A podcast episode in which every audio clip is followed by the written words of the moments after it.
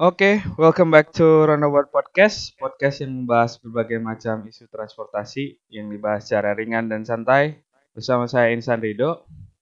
Uh, episode 34 Roundabout Podcast. Uh, setelah hiatus beberapa bulan, akhirnya podcast ini kembali dan kali ini uh, saya tidak sendirian karena ditemani oleh salah satu pakar ya, pakar politik dan juga hubungan internasional yang sudah melalang buana baik di benua biru atau benua Jepang. Uh, mungkin nanti dikoreksi ya bukan benua Jepang oleh beliau pasti itu ya. Karena beliau ini salah satu pakar yang saya tahu terkait politik dan hubungan internasional.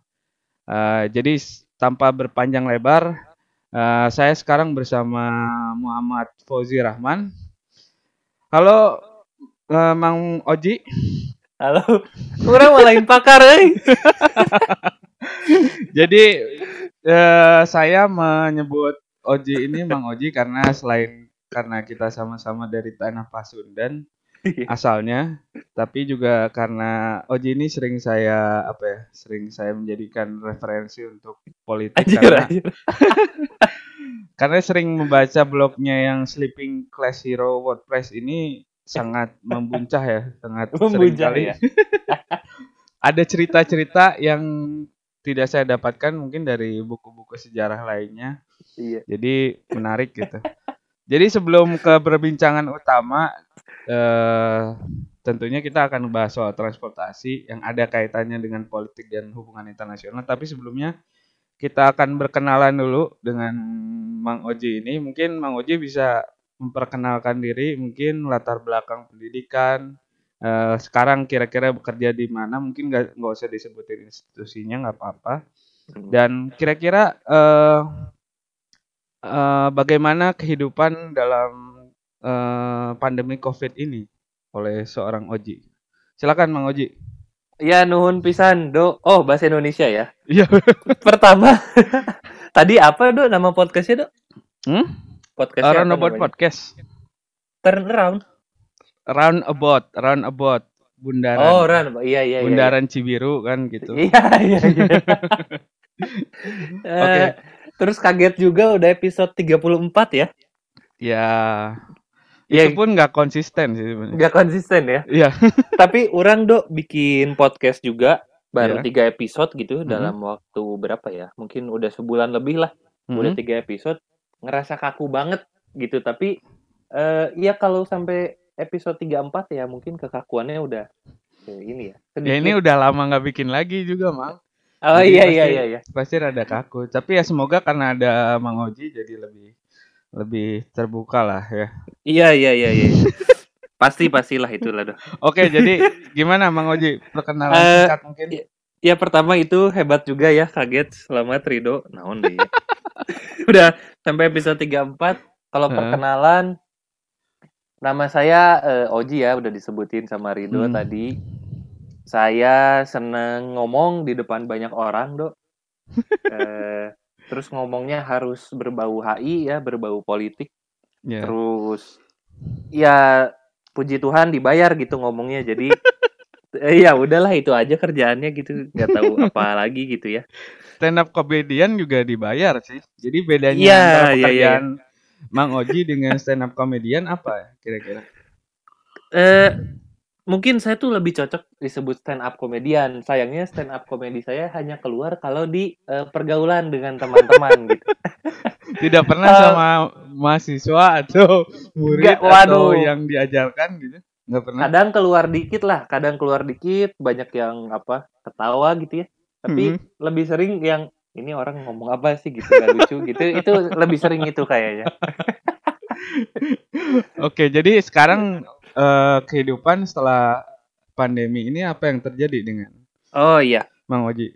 eh setelah pandemi ngajarnya tadinya yang konvensional gitu Mhm. eh, ngomong di depan kelas tapi karena keterbatasan dana keterbatasan eh, eh, kondisi gitu ya membuat saya harus eh, hijrah dulu numpang di rumah kakak dan ngajarnya online gitu Oh. lewat eh, Zoom lewat Hmm. apa Google Meeting segala Oh, macam iya. lah jadi bisa ngehemat duit dan ngehemat waktu. Nah, itu juga yang jadi salah satu sisi positif dari pandemik ini saya eh, mencoba gitu, Dok, memberanikan diri bikin podcast ya, meski Oh, ya. meskipun menurut saya masih kaku lah, tapi saya Podcast yang lah. judulnya Mang Oji itu apa sih? Panjang kan kayak IR apa gitu. Ya kan ada. orang teh hayang ngajian ini do apa orang teh hayang ngebikin The Justice ya and Justice for All albumnya iya, Metallica iya, iya. gitu. Oh iya lagu Metallica. Nanti bisa dijumpai apa ya nge-searchnya biar gampang apa ya kalau yang Wah. ini. Intinya titik tiga terus A N D N Justice tapi cuman J U S T Just Strip I R I R-nya Oh, iya. personal relation. AR. Oh, internet. Oh, itu. Nah, Banyak dari situ sandi-sandi juga kan- banget ya.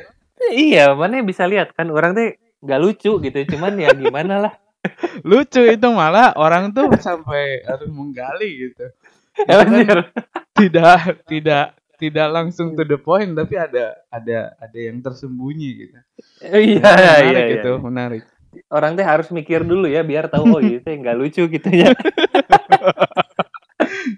Ya susah sih kan ngejudge orang yang ngedengerin di kamar lagi atau di Oh iya, jalan gitu bener-bener. kan susah ya. Jadi ya ya ekspektasi positif aja lah. Oh, iya, Berharap iya, iya, orang bener, itu bener. lucu gitu kan. Ya nggak apa-apa. Pede aja lah ya. Pede aja. Oke, eh, ya kan tadi ngebahas soal eh, COVID juga sih.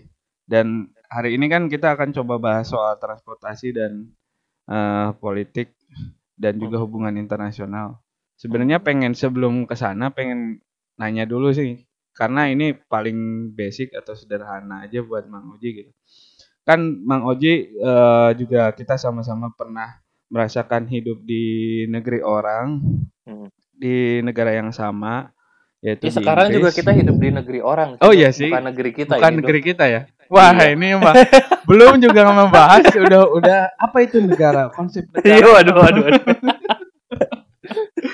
enggak ini sebenarnya pertanyaan sangat s- eh, sederhana sih sebenarnya karena kita sering bilang bahwa negara maju itu eh, transportasinya bagus transportasi umumnya bagus jalannya bagus infrastruktur bagus Hmm. tapi sekarang orang menanya sebenarnya Mang Oji punya nggak sih pengalaman buruk bertransportasi baik itu naik eh, metro mungkin di Newcastle ya tempat kuliahnya kita bareng-bareng atau di London pernah ada pengalaman buruk nggak sih? Ah, di Newcastle do ya. Waktu di Newcastle, Hmm. orang teh ke ini do ke aduh, yang pantai itu apa sih? Do? Time out. Time out, time out. Ya. Sore-sore terus biasa ya kan dulu kan belum ada anak senja kan. nah, orang sore-sore pengen lihat matahari gimana. Tapi udah di Newcastle mah uh, matahari ya. Nggak ada, Gak ada sih, matahari jadi ya udahlah nah, cuman eh, apa ngelihat pantainya terus balik lagi gitu nah di Mhm. perjalanan pulang ke Jasmine gitu. Mm-mm. ayah iya ayah apa muda, pemuda naonnya bahasa Indonesianya apa sih? Pemuda Ya, apa anak muda gitulah. Gelut dok berantem. Berantem terus. Di mana? eh, di mana? Di di dalam kereta dok. Di, Di dalam dalam, kereta? keretanya. Iya dalam kereta terus eh, pintu belum ditutup ya jadi masih kayak nunggu penumpang datang. Mereka gelut dok. Yang satu teh ngelempar ini botol botol bir botol Heeh. kaca. Mm. Itu mah de- eh, sebelah kepala orang Oh, ngapung ngapung sebelah kepala sampai pecah orang jadi eh, duduknya paling depan gitu dok yang Oh, langsung iya, iya. ngeliat ke gitu. masinis Yang bisa gitu ya. lihat ke depan ya. Ha. iya lihat ke depan langsung kehantem dok kita kaca Oh, tupes kaca pecah orang langsung ngelihat mau mau berdiri ya sosok jagoan teh kan orang Bandung kan orang so jagoan kan Bener. orang mau berdiri taunya geus udah pak tonjok tonjok Oh. dipisahin Ada yang ngelerai atau gimana terus? nah kalau antar temannya itu mah nggak ngelerai mereka malah langsung eh, saling ngehina gitu ya Mm-mm. Ka- eh, tapi orang ngeliatnya seru gitu kayak di Liga Inggris Roy Keane ngehina Patrick Vieira ya pakai bahasa Inggris you fucking shit gitu-gitu ya halus lah orang nih kayak tuh anjir hadeki gitu Aduh, kayak live Tapi di- action aja gitu ya maksudnya eh. live gitu. dipisahin Oke, sama oke. petugasnya itu aja sih dok kalau pengalaman buruk tapi ya Selebihnya nggak ada gitu. selebihnya maksudnya. aman orang bisa berani bilang lah 95% pengalaman orang di transportasi publik di Inggris ya yang kita bareng-bareng itu eh, menyenangkan lah buat Positif ya? orang positif pisan dok. Oke, sekarang kan tadi udah bahas pengalaman buruk ya. Hmm. Dan yang sering kita dengar tentunya selain karena bias kita di sini dan di Bandung juga, Hmm. Itu Bandung tuh buruk sekali gitu ya transportasi Waduh, umumnya, Dok. ya kan? Cuma sekarang pertanyaannya tuh di balik semua kebobrokan transportasi umum di Bandung atau transportasi Hmm. jalan ya kemacetan di Bandung, adakah momen-momen eh, positif yang pernah dirasakan oleh seorang Fauzi di Bandung Aduh. terkait transportasi ya baik itu kemacetan atau jalan atau transportasi umum pernah naik angkot atau naik damri gitu di Bandung ada ada ada kenangan manis atau hal-hal positif mungkin Ya mungkin kalau sekarang mah jadi memori do ya. Jadi Mm-mm. positifnya bisa cerita gitu eh, Mm-mm. ke antar teman nanti Mm. ke orang tua atau ke generasi setelahnya. Dulu orang naik Bandung, eh naik Bandung, naik angkot iya iya di Bandung gitu. Heeh. Seneng gitu do apa ya kalau bahasa Sundanya tuh waas tapi orang gak nemuin bahasa Indonesia yang tepat untuk waas Hmm, Jadi kayak iya, ada kenangan. iya kan ada Iya. kenangan gitu dulu teh orang naik transportasi umum di Bandung seneng pisan gitu ya sama panasnya sama judesnya supir gitu ya itu sih sisi positif salah satunya yang kedua sih ya mungkin eh sebagai pecinta lawan jenis gitu orang inget aja dulu kalau di angkotnya eh, ada cewek cantik dari spot Oh. apa SMA SMP lain gitu senang aja ngelihatnya sih Oh beda ya sama ya- naik motor mungkin kan nggak cuma selewat doang gitu ya. Kalau naik iya angkot kalau- mungkin ada yang naik bisa sampai tujuan. bener bener Iya, iya. sama di Indonesia tuh kan eh, apa ya etika atau etiket ya do ya di Iya ya. transportasi publiknya itu kan belum terbangun dengan apa menyeluruh ya mereka masih bingung apa yang disebut umum apa yang disebut privacy jadi Iya iya iya. kadang kan sembarangan aja di di angkot tuh ada apa ada apa maka eh, kemungkinan ada sebuah kejadian di transportasi publik itu jauh lebih luas dibanding eh, di luar negeri yang udah ada sopan santun etika Iya, atau iya, etiket betul, tadi betul. itu loh Dok. jadi bisa wae di bisa aja di angkotnya orang ningali eh, orang ngelihat jelema eh, orang tuh eh, ngeludah orang tuh Iya iya pet iya. gitu kan atau marah eh, geser atuh gitu atau yang kayak diharap diharap gitu kan Iya iya iya. mungkin iya, itu iya. nggak terjadi gitu di Di apa, luar ya? di, di luar gitu dok Karena secara natural aja mereka udah tahu menempatkan diri, udah tahu itu kali ya. benar benar Hmm. mereka tahu apa yang disebut ruang publik apa yang disebut eh, ruang privasi gitu ya Wah, menarik mah. nih ini. can nyaho gitunya Oke, eh, jadi eh, terima kasih tadi insight-nya ya soal di Inggris sama di Bandung perbedaannya seperti apa. Em, jadi di episode kali ini kan kita akan bahas soal transportasi, politik dan hubungan internasional juga. Eh, kita akan berlanjut di sesi berikutnya yang eh, membahas tentang isu-isu tersebut. Jadi tetap stay tune di Roundabout Podcast dan kita akan kembali. Stay tune.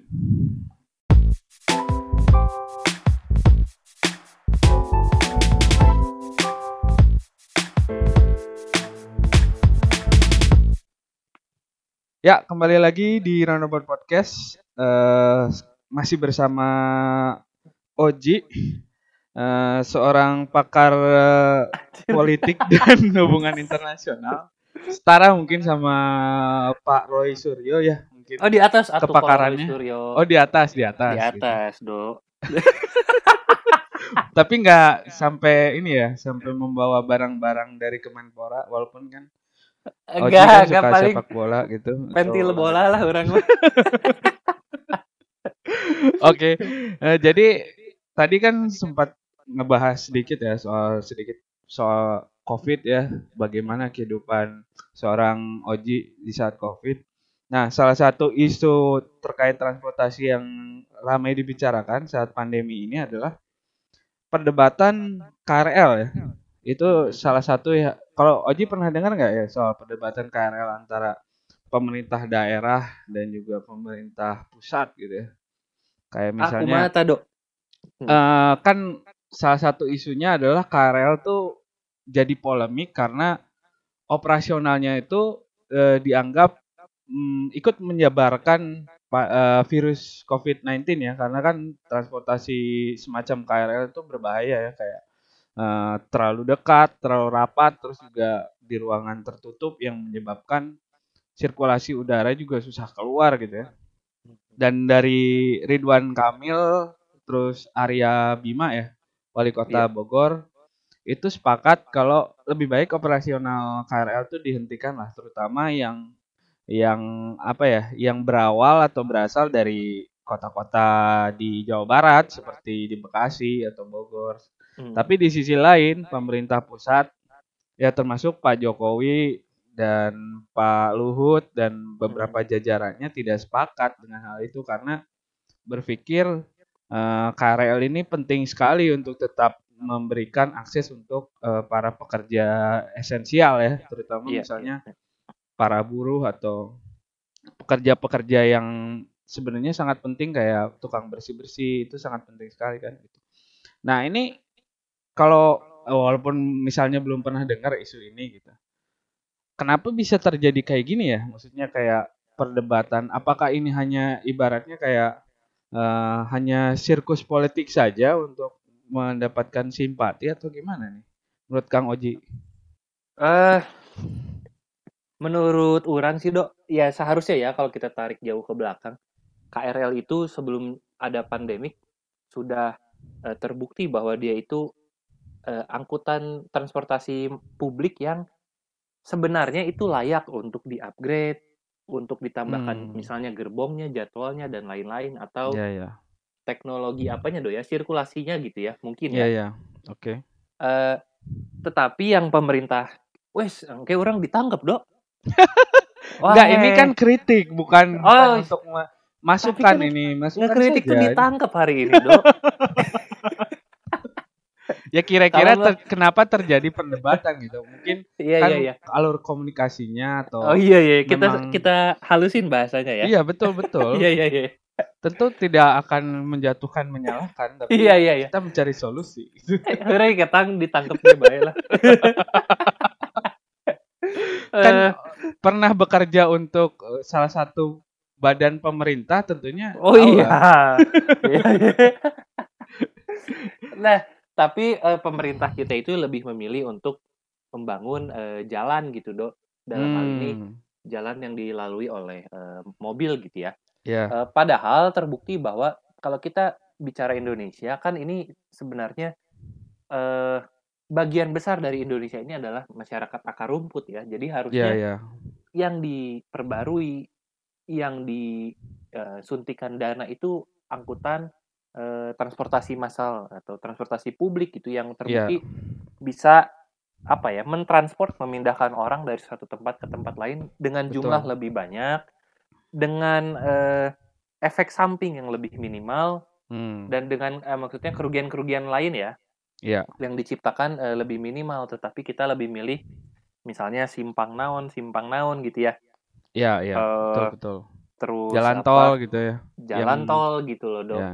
Hmm. padahal kenapa nggak disambung aja kereta gitu dari eh, seluruh Indonesia tuh tersambung kereta misalnya kalau Ya. tadi eh, kita bicara Jepang di awal di Jepang itu kan bahkan sampai ke pelosok gitu kita bisa menemukan transportasi publik Oh Mau ya bisa betul. kereta bisa apa pun itu bentuknya gitu Ya ya. bahkan kalau dulu yang sempat viral do inget nggak yang ada satu pelajar Jepang yang dia itu cuma satu-satunya orang yang menggunakan eh, rute tertentu Oh iya iya. dari iya. rumahnya ya kan Betul, tapi betul, negara betul. itu hadir untuk memfasilitasi meskipun satu orang karena eh, esensinya negara itu sebenarnya di situ kan dok Eh, lu mengabdi Iya. kepada negara Iya. tetapi semuanya itu kebutuhan lu gue jamin itu kan Oh, ada trade iya, ya betul. sebenarnya di situ nah ketika negara tidak bisa menyediakan hal-hal yang apalagi yang mendasar gitu dok Hmm. ya ada bisa dibilang eh, kegagalan negara ya karena Oh betul. mereka betul. memaksa kita untuk cinta gitu sama Indonesia Hmm. tapi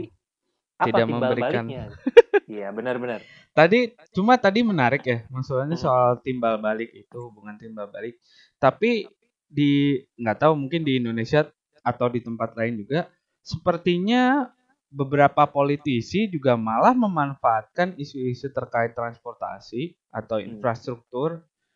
Untuk seba, uh, sebagai salah satu alat uh, politiknya ya untuk mencapai mungkin suatu level tertentu atau uh, apalah atau pemasukan buat dia sendiri itu sebenarnya gimana ya?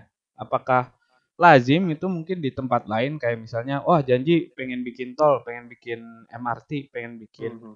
itu apakah lazim gak sih atau harusnya nggak boleh lah maksudnya itu tuh hak warga lah jadi nggak perlu dimention lagi gitu atau gimana? Mm ya ini berarti kita ngomong jauh uh, tarik ke belakang gitu dok. Mm-hmm. Uh, di Indonesia gitu sayangnya politik itu dua kubu kan. Dalam artian mm. kalau mana bukan pendukung A, ya berarti yeah, yeah. pendukung B gitu kan. Uh, uh, yeah, nah yeah. sehingga mana itu cuma ada dua pilihan gitu. Mm. Uh, kasarnya merah atau putih kasarnya gitu.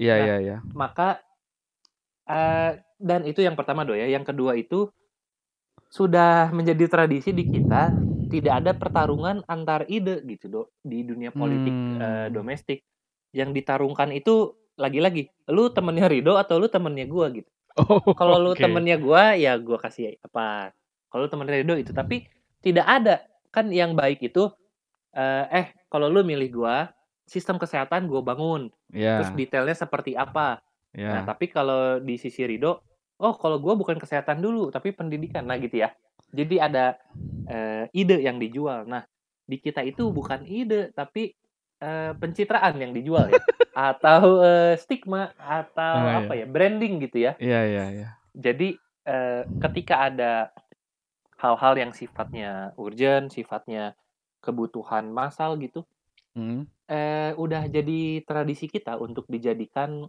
eh, bahan pertarungan.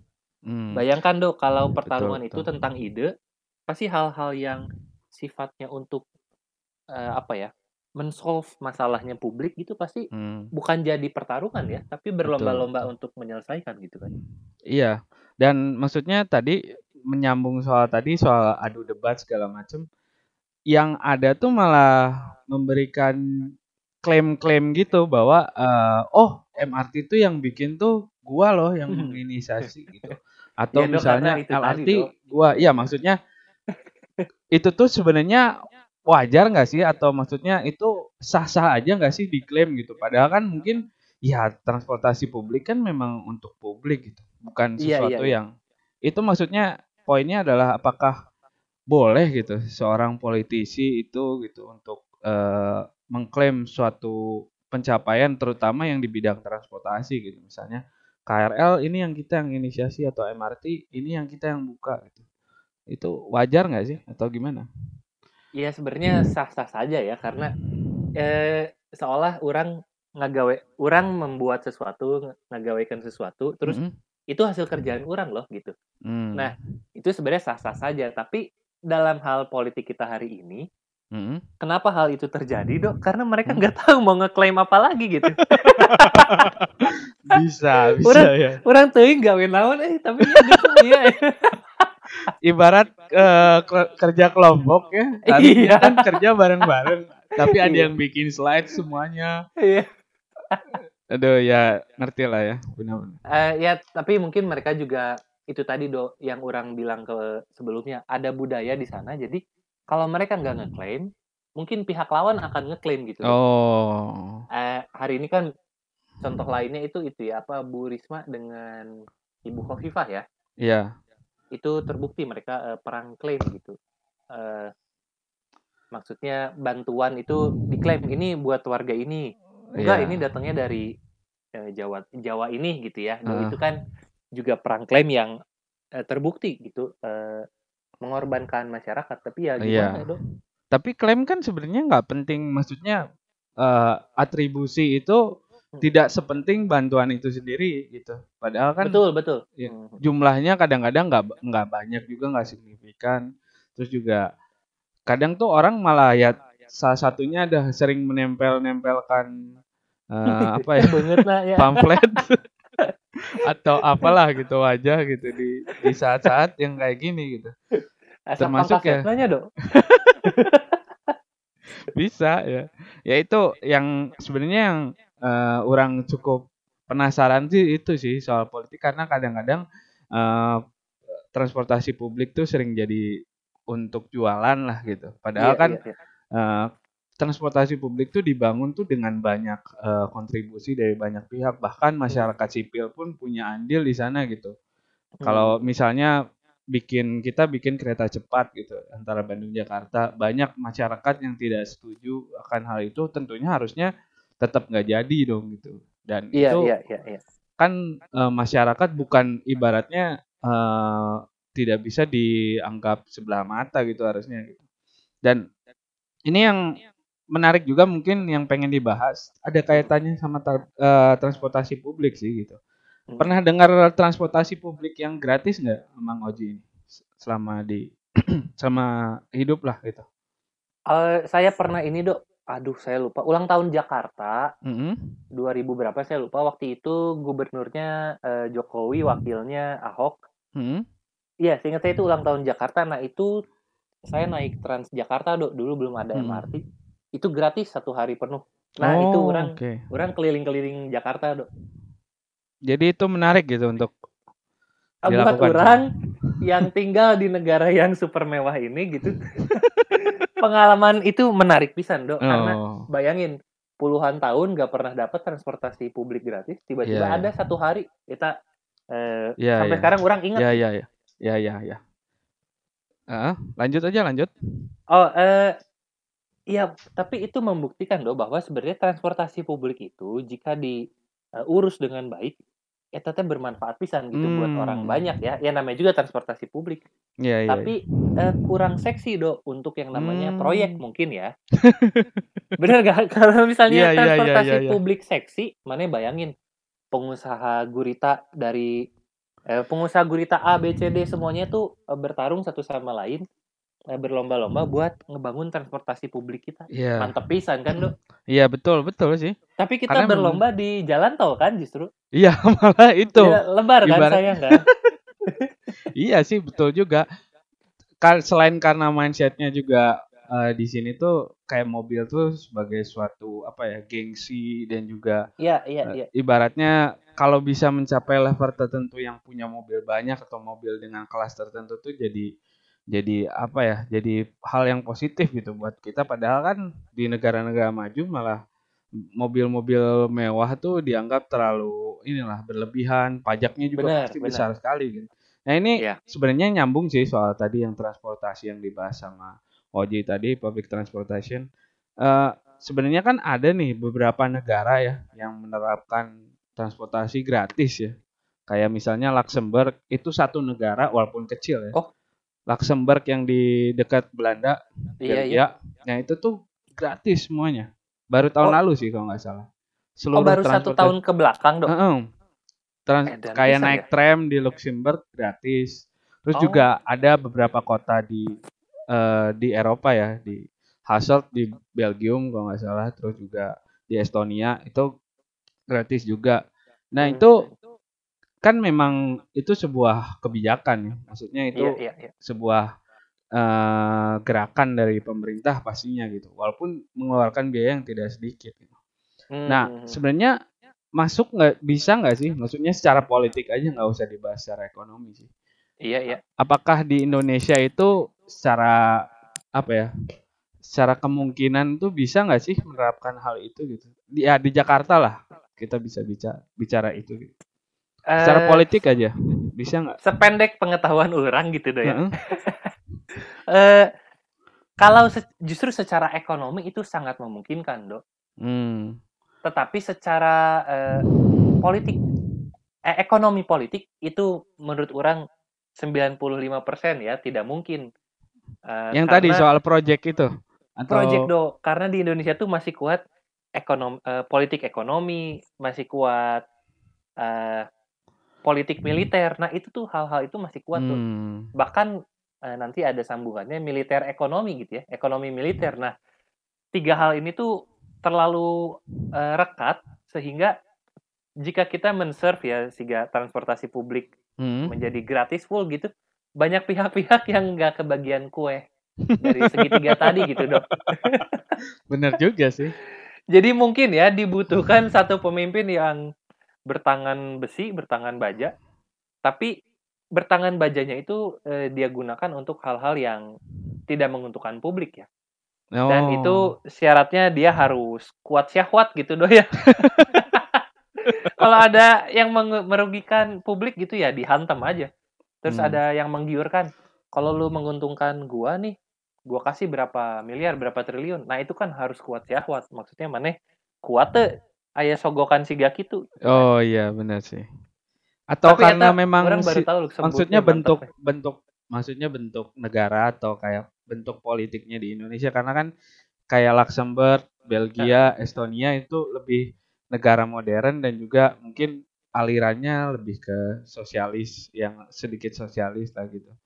Kalau di Oh. Indonesia kan karena mungkin tidak seperti itu ya, maksudnya ah, kita kan banyak ragamnya, nggak nggak bisa kita bilang kita negara sosialis kan. Padahal mungkin eh eh, maksudnya itu kan hal pemenuhan dasar ya, salah satunya kayak Iya, iya, rumah, iya. eh, makanan, termasuk transportasi publik juga. Nah itu Mm-mm. sebenarnya kita bisa nggak sih, maksudnya oke. walaupun bukan dari dari sisi apa ya bentuk pemerintahan dan juga iya, ya iya, iya. fundamental politiknya gitu. Walaupun Sebenarnya kita misalnya Hmm. konservatif lah atau segala Iya, macam, iya, iya, iya. misalnya kayak gitu, tetap bisa nggak sih, maksudnya? Ya kalau hari ini banyak orang di Indonesia mengelulukan Pancasila gitu dok. Pancasila itu sebenarnya gabungan dari berbagai eh, paham ya. Dan Iya. sosialis itu, waduh lekat banget, kental banget di Ah, Pancasila. Maka betul. kalau tadi pertanyaannya berdasarkan eh, fundamentalnya negara kita gitu, itu sebenarnya harus dilakukan dok. Hmm. Transportasi publik gratis, kemudian apa? Eh, yang dibangun itu justru yang massal, Iya, yang iya, publik gitu itu sebenarnya tujuan utama eh, negara ini dibangun dok. Hmm. Kalau kita bicara tadi ya Rido eh, apa eh, mengkaitkannya dengan sosialis gitu ya Iya, iya. Indonesia tuh sosialis banget harusnya ya. secara falsafah sebenarnya gitu. Betul falsafah iya.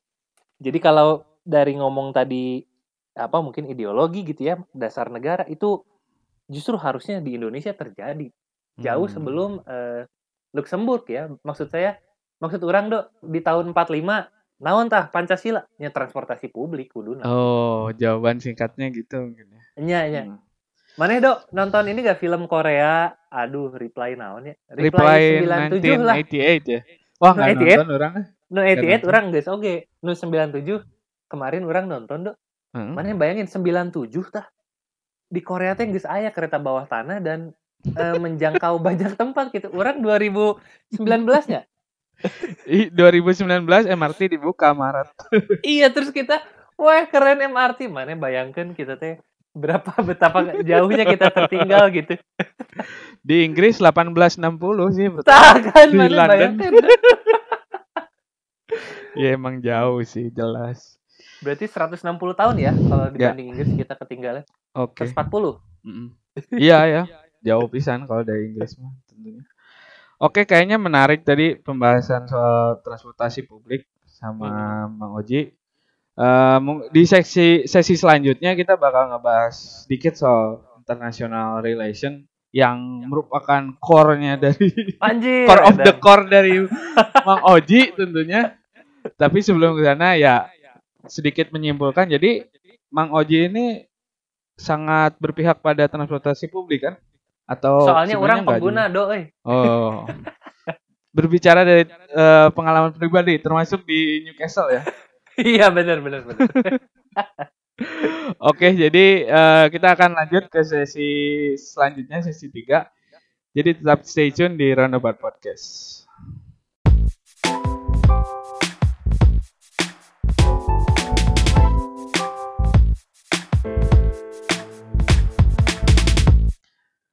Oke, kembali lagi di Roundabout Podcast di sesi ketiga atau sesi terakhir.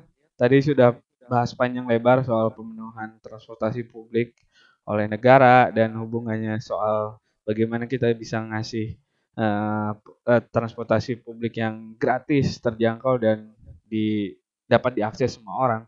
Nah, sekarang beralih sedikit soal hubungan internasional ya. Soal karena lagi-lagi Oji ini salah satu pakarnya ya.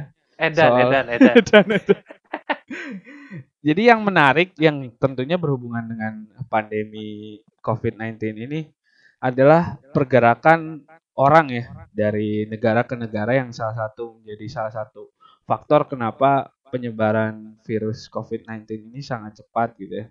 Hmm. Ini kan ada hubungannya dengan transportasi ya, dengan aviasi, terus juga uh, perkapalan ya.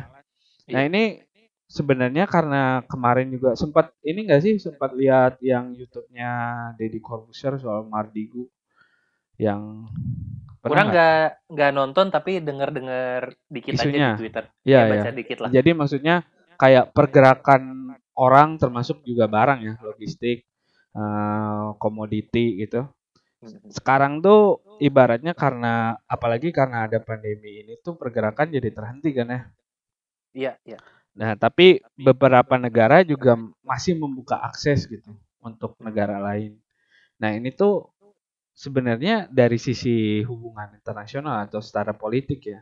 Banyak negara yang masih membuka akses transportasinya untuk negara lain dan juga di masa-masa normal itu kenapa sih dasarnya misalnya eh, katakanlah misalnya di Eropa gitu nggak ada pembatasan secara khusus kecuali misalnya beberapa tempat yang udah jadi epicentrum pandemi Hmm, misalnya hmm, hmm. atau eh, yang parah gitu ya tapi mereka masih membuka gitu apakah memang kebutuhan secara transportasinya baik orang ataupun barang itu memang sangat mengikat gitu sehingga orang tuh nggak bisa hidup gitu tanpa tanpa tanpa negara lain gitu itu kenapa ya Ah. masih kayak gitu ya Ngerti mungkin eh, faktornya loba pisan ya dok faktornya Iya, iya. banyak pisan Hmm. salah satunya itu lagi dok orang sih kalau ngangkatnya ke budaya ya Mm-mm. di kalau tadi contohnya Eropa gitu Eropa itu udah berapa puluh tahun mereka kebiasaan dengan eh, tadi transportasinya itu eh, baik barang maupun manusia dia udah lintas negara kan dok Iya iya iya. kalau orang Indonesia gitu eh, ke luar negeri gitu kan hal yang bagi beberapa orang Indonesia itu kan istimewa, weh bisa ke luar negeri. Nah, tapi kalau di Eropa sana mereka udah begitu terintegrasi, jadi ketika harus ditutup gitu kayak lu ngapain nutup apa ya? Cijer, eh, Cijerah sama Cimahi ditutup ngapain gitu? Gua ber- bertahun-tahun hidup bareng gitu kan. Meskipun itu beda apa ya? Beda Ad- secara administratif beda. gitu. administratif beda. Tapi kalau ditutup kan aneh juga gitu, Dok. Iya iya benar benar juga. sih. Eh, mungkin itu salah satu faktornya ya. Eh, Iya, yang iya, pertama karena jadi kayak aneh. Ya lu ngomongin negara iya sih, tapi gua tuh sama negara sebelah udah kayak satu kecamatan aja gitu ya. Hmm, Jadi iya, aneh iya, kalau iya. lu nutup mungkin ya Iya, iya. itu. Yang pertama, Iya, yang iya. kedua eh, sisi keamanan, Dok. Jadi dari satu teknologi mereka mungkin ya bisa mendetek eh, lebih baik, bisa mengeluarkan hasil lebih cepat Iya iya. eh, memeriksa lebih cepat. Teknologi yang kedua eh, manusia. Sebagai pengguna teknologinya maupun secara kedisiplinan ya. Jadi mereka tuh ny- nyaho apa disiplin gitu. Uran Iya, ya iya, iya. atur jarak jangan pegang ini jangan iya, ngobrol. Hal-hal yang tidak boleh dilakukan selama pandemi atau dihindari gitu. Mereka taat lah kasarnya Iya gitu. iya. Mall Berbeda ayah dengan di- anjir diskon diskon Ramayana di Jerman gitu mall ayah dong Mall Ciledug lang dibuka Mall- langsung. mall Gila. Ciledug. iya sih. Tapi Banyak kayaknya faktor lah. kebijakan itu sebenarnya kayak apa ya? Berhubungan dengan keamanan negara juga dan ya maksudnya security gitu kan. Iya, Dan iya. salah satu yang yang ketat tuh kan biasanya di negara-negara eh, yang udah modern maju. Misalnya di Hong Kong itu salah satu yang pernah orang lihat di airportnya tuh saat pandemi itu mereka kayak screeningnya tuh sampai bertahap gitu kayak memang lebih ketat gitu dibandingkan di Indonesia misalnya yang kemarin yang Soekarno Hatta sempat beberapa hari yang penuh banget kan gitu yang Hmm. beda banget protokolnya gitu Iya, Nah, iya, itu iya. sebenarnya memang misalnya yang internasional ya, maksudnya kita bicara yang internasional, apakah memang ada semacam di luar soal pandemi ya? Eh, mis- misalnya emang di negara itu salah satu negara yang terdampak paling bahaya gitu ya.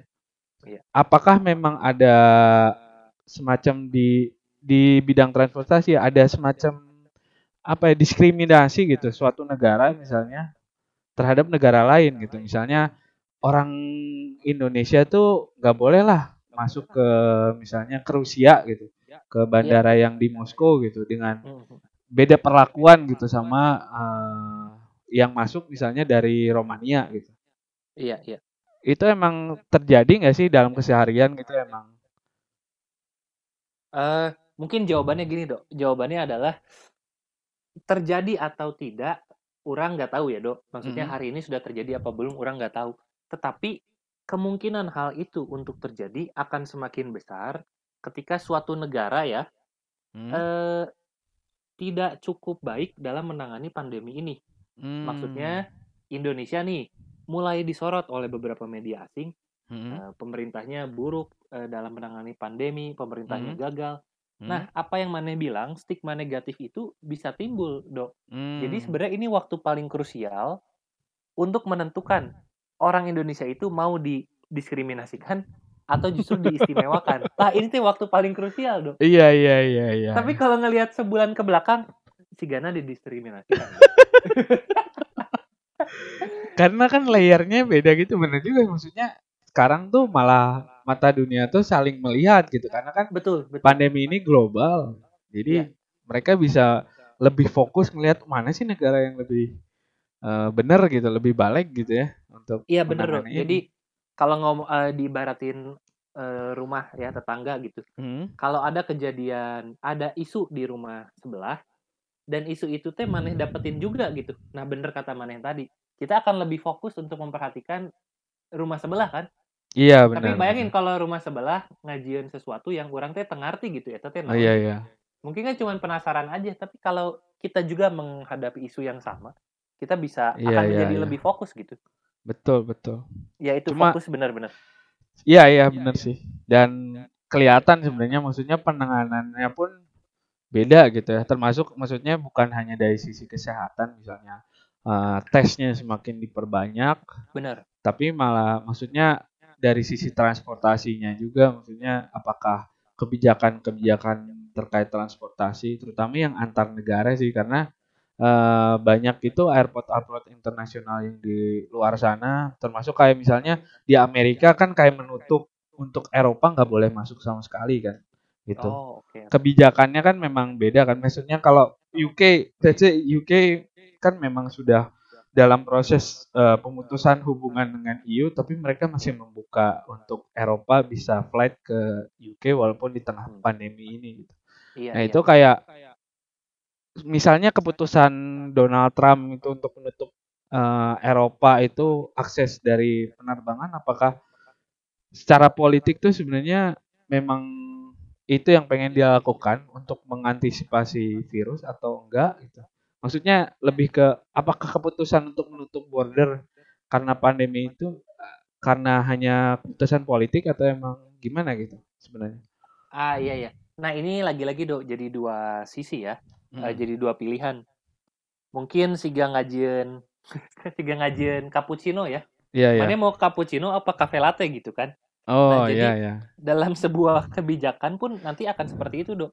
Hmm. Mana itu ingin melindungi warga negara, tapi nanti mungkin terhantam oleh eh, apa dunia luar ya, Iya iya demi iya. melindungi warga negara atau mana nggak mau dihantam dunia luar tapi yang jadi korban warga negara gitu warga negara sendiri nah jadi mana mau cappuccino apa coffee latte lebih banyak susunya apa lebih banyak kopinya gitu Oh. nah nanti hasilnya itu eh, bisa tercermin ya dari kebijakannya dalam artian kayak kita berani nge-lockdown nah itu berarti kita lebih memilih melindungi warga negara Hmm. maksudnya nge-lockdown ini ya dok ya border dari luar ya Iya iya iya dari luar ya. melindungi warga negara, tapi kita juga eh, dalam artian berani gitu menghadapi eh, mata dunia. Tapi kalau Hmm. kita eh, masih takut untuk nge-lockdown, berarti kita lebih mentingin pandangan dunia dibanding nasib Hmm. warga negara. Itu eh, apa ya? Simplifikasinya gitulah, Dok. Oh, oke. Nanti Jadi- persentasenya aja yang dimainin. Hmm, berarti trade off juga ya. Maksudnya Trade off walaupun bisa, itu bukan bisa. sebuah dikotomi yang bisa dibagi gitu antara wah milih warga atau padahal kan di balik itu kan ya ada proporsinya maksudnya nggak bisa ya ya itu maksudnya yang selama ini dilakukan oleh pemerintah Indonesia juga seperti misalnya awal-awal malah membuka akses pariwisata untuk Iya, Uh, iya. ya, maksudnya itu kan ada hubungannya dengan transportasi juga dan sekarang juga banyak di perusahaan transportasi udara terutama ya dan transportasi publik juga sih yang terdampak secara ekonomi ya pastinya Iya. gitu. Hmm, hmm, hmm. Dan sebenarnya sih pembahasannya yang satu lagi yang cukup menarik ya. Cuma ini mungkin di luar konteks pandemi, tapi ada hubungannya antara dagang antara negara yang lebih sifatnya lebih lebih jauh gitu ya. eh soal perdagangan antar negara kan sekarang eh perdagangan antar negara tuh semakin global dan semakin terbuka ya. Jadi walaupun misalnya berbeda kontinen, misalnya di Cina ke Eropa, itu sekarang pernah dengar soal Belt and Road Initiative mungkin Iya, Bang iya. Oji? Iya. Ya ini menjadi menarik, terutama mungkin di saat pandemi ini kan Belt and Road Initiative tuh salah satu apa ya proyek merku- mercusuarnya adalah kayak kereta tuh bisa dari dari Cina itu bisa nyampe ke Inggris. Dan Nah itu ya, udah terjadi gitu, iya iya. ya kan? Maksudnya dibayangin itu tuh mungkin lebih dari setengah eh apa ya keliling dunia mungkin ya. Iya, Setengah- iya, iya. Maksudnya itu tuh bisa terjadi dengan mudahnya karena hal-hal yang bersifat ekonomi. Kayak di Cina tuh murah pisan gitu. Iya. eh, untuk barang-barangnya sehingga kita bisa membeli akses itu dan bisa membeli barang itu dengan mudah atau memang karena ada sisi po- positif eh politiknya sih gitu karena karena Cina sama UK itu cukup oke lah gitu eh, hubungannya. Eh, dalam hal ini dua-duanya sih dok, Eh, ekonomi dan politik ya. Mm-mm. Nanti ada ada konsep lain namanya geoekonomi, gimana Mm. cara maneh menekan negara lain lewat jalur ekonomi itu ada juga. Mm. Nah, tapi kalau pertama hubungan Cina dengan Inggris sebenarnya tidak terlalu tidak mesra-mesra amat juga sih. Mm. Karena kan cenderung kalau Inggris itu cenderung lekat ke Amerika Mm. Eh, meskipun hari ini eh, kejadian ya ternyata dia eh, kaget juga dunia bahwa Inggris mau lepas dari EU. Mm. Eh, Iya, iya. Jadi konon Inggris, EU, Amerika itu anggaplah kita eh, satu, Barat kita lah. anggap ya. satu blok barat. Iya. Tiba-tiba ada Cina nih yang ingin menghancurkan eh, hegemoni mereka bertiga Iya yang ya. udah puluhan tahun. Tiba-tiba Inggris eh, keluar gitu kan bikin orang kaget. Nah, jadi secara hubungan tidak bisa dikatakan eh, Inggris dan Cina itu emang temenan, enggak. Dalam beberapa hal temenan, dalam beberapa hal eh, musuhan gitu, Dok. Termasuk Hong Kong ya masalah Hong Kong juga. Betul, termasuk masalah Hong Kong. Itu kan udah jelas eh, kalau kita ngelihat sejarah gitu Inggris dan Cina ge eh, pasea gitu ya berantem satu sama lain. Tapi kalau nah itu tadi apakah ada sisi politik? Jawabannya iya, Dok. Jadi Hmm. eh, karena Cina ini ekonominya eh, menggeliat dalam belasan tahun ke belakang, beberapa negara yang tadinya adidaya gitu eh, bisa dipengaruhi dengan cara sok lu mau ngejual barang lu apa, apa pun lah, atau lu butuh barang apa pun bisa kita produksi, Hmm. tapi syaratnya tolong bukalah akses atau menjadi salah satu titik bagi eh, jalur sutra baru ini, One Belt Hmm. One Road tadi ya, Iya ya. Eh, Belt and Road Initiative. Hmm, hmm. eh, Inggris itu eh, orang juga baru tahu dari mana ya mereka mau setuju ya kasarnya ya untuk Iya, membangun iya. jalur transportasinya eh, yang menyambungkan Cina dan Inggris. Nah ini juga bakal ada sisi kuat politiknya dok karena Hmm. eh, India, Australia, Jepang dan Amerika ini bikin apa ya persekutuan gitu ya untuk Hmm. menghantam eh, Belt and Road inisiatifnya Cina. Oh lewat jalur laut tapi. Eh, lewat jalur apa pun, Hmm. termasuk ini dok, ketika Cina ingin menawarkan proyek infrastruktur di satu negara, empat negara tadi itu eh, melawannya dengan cara menawarkan proyek serupa, tetapi dengan kualitas yang lebih baik gitu dok. Hmm. Nah jadi ini ada perang di sana ada perang politik, ada perang ekonomi. Nanti kalau ekonominya sudah dimenangkan, jadi geoekonomi gitu-gitu dok. Jadi banyak hal lah yang Banyak hal. mempengaruhi ya. Iya. Ya ya ya. Berarti tapi eh, negara tuh sebenarnya sering kali mengambil kebijakan politik atau ekonomi yang berhubungan dengan negara lain tuh memang pasti melibatkan politik antar negara juga termasuk soal tadi ya transportasi termasuk kayak visa juga kan maksudnya Iya, itu iya, salah iya. satu bentuk hubungan politik antara negara satu negara dengan negara, negara lain Iya. yang berarti ini singkat ya sedikit eh, membahas soal Indonesia misalnya visanya karena kenapa sih visa kita tuh ke negara lain kayak sedikit yang free gitu Iya, itu iya. salah satunya karena hubungan Indonesia terhadap beberapa negara lain yang emang nggak ngasih visa free itu cukup cukup biasa saja atau cenderung buruk gitu. Bisa iya. disimplifikasikan gitu nggak sih? Eh, sedikit banyaknya bisa dok karena kalau kita lihat the most powerful apa ya paspor ya Ya, itu kan antara Jepang atau Singapura kan ya iya kurang betul. lebih. Nah, karena kalau kita meli- contohnya melihat Singapura, karena Singapura itu trust-nya itu tinggi banget, Dok. Trust Hmm. eh, masyarakatnya terhadap pemerintahnya maupun trust dunia internasional terhadap Singapura, Iya, baik iya. secara pemerintah maupun Masyarakat masyarakatnya. ya. Betul. Jadi ini menunjukkan bahwa trust negara lain terhadap pemerintah Indonesia maupun masyarakat Indonesia rendah pisan. rendah pisan ya. Iya, iya, iya, iya. Jadi itu simplifikasinya itu ya. Simplifikasinya iya, Dok. Wah. Menarik sekali tadi ditutup oleh kesimpulannya. Jadi eh, sesi ketiga ini dan sesi terakhir tentunya sebelum anda-anda bosan dan menutup Spotify, Apple Podcast atau tempat lain, Halus tapi ya, Dok, kayak gendenya. siap siap. Jadi mungkin sedikit konklusi dari Mang Oji. Jadi transport dan transportasi dan politik itu rekat hubungannya. lekat lekat pisan dok ketika kita bicara transportasi kalau mau bicara politik ya itu bisa digunakan untuk menghantam negara lain misalnya kita bilang aja itu transportasi di negara A buruk kita punya Hmm. sistem yang baik mau Iya. nggak lu bayar gua gua jadikan sistem lu eh, baik itu kalau Iya. di sisi sisi lain Iya, iya. eh sistem transportasi di negara lu buruk mau nggak contoh yang gua ayo kita kerjasama gitu kan itu Iya, bisa iya, iya. jadi banyak hal lah dok kalau politik internasional ya Iya iya iya. Jadi memang polit eh transportasi yang ada di negara itu bisa juga jadi refleksi politik yang terjadi di negara sana juga ya. ah betul sedikit banyak.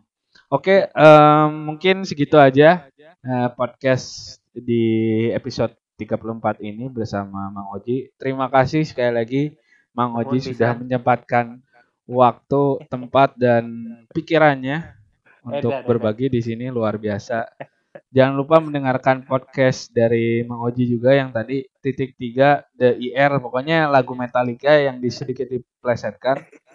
Nanti eh, saya taruh di deskripsi juga supaya kalau ada yang baca ya. ya, kalau nggak ada ya nggak apa-apa biar eh, dunia online yang membaca mungkin iya iya iya. internet yang membaca saja.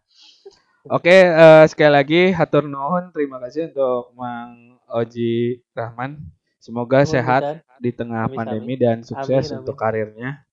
amin Eh, baik, mungkin segitu dulu dan kita bakal ketemu lagi di podcast Lomba selanjutnya yang tentunya eh, menarik. Mungkin suatu hari nanti juga ngajak Mang Oji lagi pasti ya mau karena mau seru. Oke, s- eh, terima kasih and see you next time.